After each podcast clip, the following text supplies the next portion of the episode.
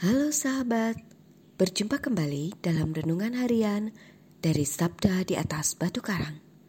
Bersama kami, Antonius Purbi Atmadi dari Paroki Maria Bunda Segala Bangsa, Kota Wisata, Keuskupan Bogor, dan Monika Tirta Wijaya dari Paroki Katedral Kristus Raja, Keuskupan Tanjung Karang.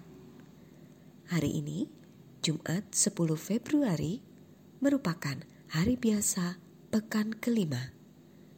Gereja memperingati Santa Scholastica, seorang perawan, dan Santo Zenom, seorang pertapa. Renungan kita hari ini terinspirasi dari bacaan kitab suci. Bacaan pertama dari kitab kejadian bab 3 ayat 1 sampai dengan 8. Dan bacaan Injil suci dari Injil Markus bab 7 ayat 31 sampai dengan 37. Mari kita siapkan hati kita untuk mendengarkan sabda Tuhan.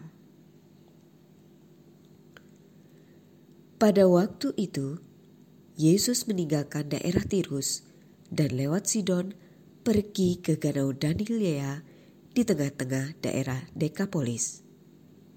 Di situ, orang membawa kepadanya seorang tuli dan gagap dan memohon supaya Yesus meletakkan tangannya atas orang itu. Maka Yesus memisahkan dia dari orang banyak, sehingga mereka sendirian. Kemudian ia memasukkan jarinya ke telinga orang itu, lalu meludah dan meraba lidah orang itu.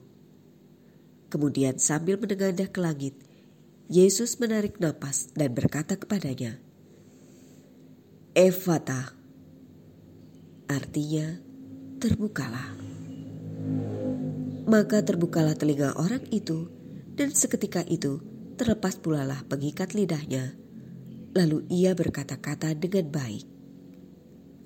Yesus berpesan kepada orang-orang yang ada di situ, supaya jangan menceritakannya kepada siapa pun juga tetapi makin dilarangnya mereka, makin luas mereka memberitakannya. Mereka takjub dan tercengang dan berkata, Ia menjadikan segala-galanya baik, yang tuli dijadikannya mendengar, yang bisu dijadikannya berbicara. Demikianlah sabda Tuhan. Terpujilah Kristus.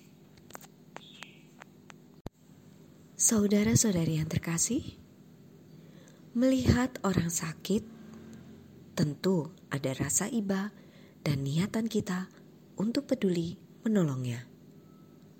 Entah mau kita bawa ke klinik atau tempat-tempat penyembuhan lainnya. Dalam bacaan Injil pada hari ini, dikisahkan Ketika Yesus pergi ke daerah Dekapolis, ada seorang yang membawa kepadanya seorang yang tuli dan gagap. Orang itu tidak memohon kepada Yesus menyembuhkan si tuli gagap itu, tetapi hanya memohon kepadanya supaya Yesus mau meletakkan tangannya atas orang sakit tersebut. Orang yang peduli sesamanya itu percaya bahwa ada kuasa dalam diri Yesus, dan ia membiarkan Yesus untuk berbuat sesuatu sesuai kehendaknya. Saudara-saudari yang terkasih, dalam banyak hal kita suka memaksa orang lain berbuat sesuai kehendak kita. Bahkan Tuhan pun suka kita paksa-paksa melakukan sesuai kemauan atau kehendak kita. Sabda Tuhan hari ini mengajak kita selain meningkatkan sikap peduli untuk membantu orang yang menderita, kita diajak juga untuk memiliki sikap memahami kehendak Tuhan.